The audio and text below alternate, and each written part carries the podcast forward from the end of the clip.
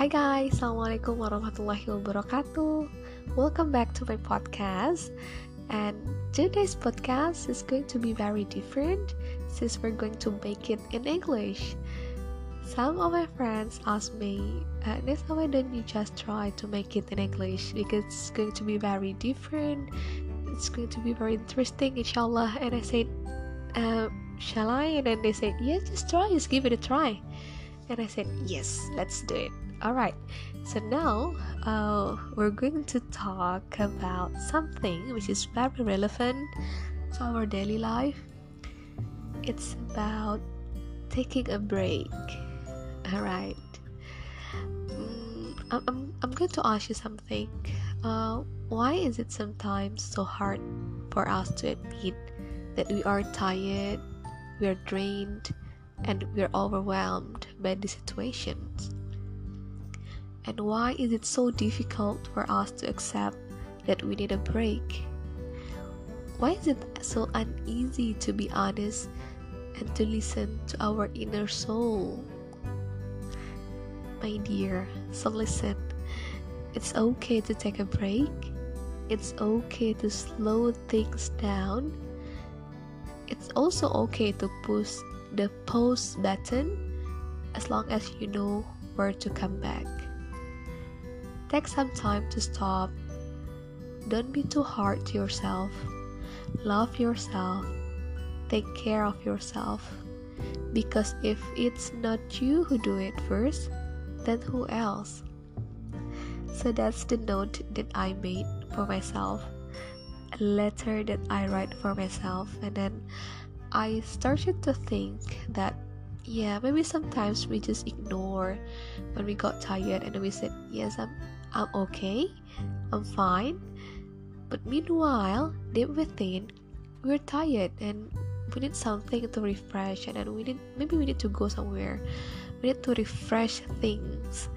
And uh, talking about it we can actually do a, uh, a lot of ways to get through this to overcome this feeling. The very first thing that we need to do maybe we take a little break for every single activities that we do in daily basis. Just take some days off and then do the things that you want to do like you, you need to read a book so you go somewhere and then you you know you cook. You can just do everything that you want do your hobby. And then after that the only thing that you need to do is to reconnect it to your gut. Trust me it, it maybe sounds a little bit cliche but it works a lot at least for me. Every time i think like i've uh, you know i feel like empty i feel like i'm so tired and then i'll just try to reconnect with my god and reconnect with allah i talk to allah I, I read you know i read quran and then i do salat and then I tell my secrets to Allah. I tell everything that I feel to Allah. It sounds a little bit weird, you know, like speaking aloud maybe while we are not praying. So, the one thing that we always need to remember that when we want to pray, when we want, we want to talk to Allah, it doesn't only have to be in prayer, you know.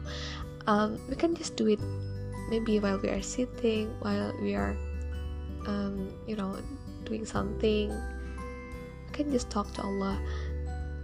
And uh, trust me that feeling when you know that Allah is always there that he's always listening to you that he will never leave you alone is so precious. Maybe we're just too busy with you know like our daily life. We're so occupied with our job. And then we do prayer, we read Quran, but it's just like a ritual to us, and then maybe that's the thing. That's the moment when we need to leave our work for a while and really need to focus on getting reconnection with our creator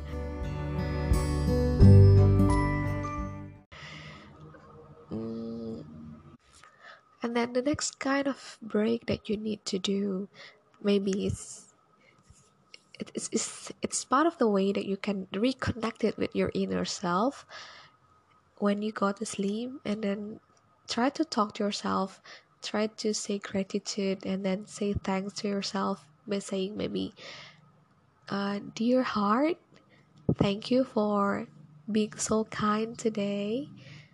Thank you for being so strong today thank you for being so friendly and thank you for everything for today. And then dear hand talk to your hand. It's weird i know but just try it. You'll feel it. You can say dear hand thank you for today. Thank you for accompanying me to write things. Thank you for being able to type you know like pages of words. Thank you for not getting tired easily. Thank you for being so healthy today. And thank you for helping me. Thank you so much. And then just stay just stay grateful and then say thanks to your body. It will help you to feel better.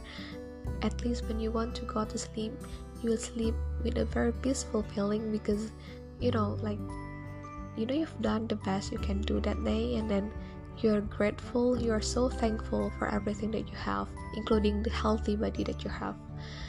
And the next one is try to practice mindful you know mindful feeling and then do everything mindfully. Like for example just try to avoid you know eating while you are working. Like for example when you eat just try to focus on the food and then taste every single bit that you have. Because i'm so aware that we are now in maybe some of us is still in working from home mode that sometimes we just cannot you know divide where's the time to watch where's the time to work where's the time to have to have lunch and we just sometimes blend everything. You know it's not good it's not healthy when it is the time for us to when it is the time to watch just watch. When it's the time to have lunch get the lunch and close your laptop. You know just try to differentiate things. Just try to appreciate every single thing that we do mindfully and it will make us feel a lot better inshallah so that's the thing. That's how you can take a break. I hope everyone is doing happy everyone is doing healthy. Just remember when you feel that you are overwhelmed when you feel that you are tired just stay honest to yourself. We don't need to always pretend that we're okay. It's okay to be not okay all right as long as we know how to come back and we know how to cure that's fine all right thank you for listening everyone. I hope everyone is happy and doing all right bye. Thank you. Assalamualaikum warahmatullahi wabarakatuh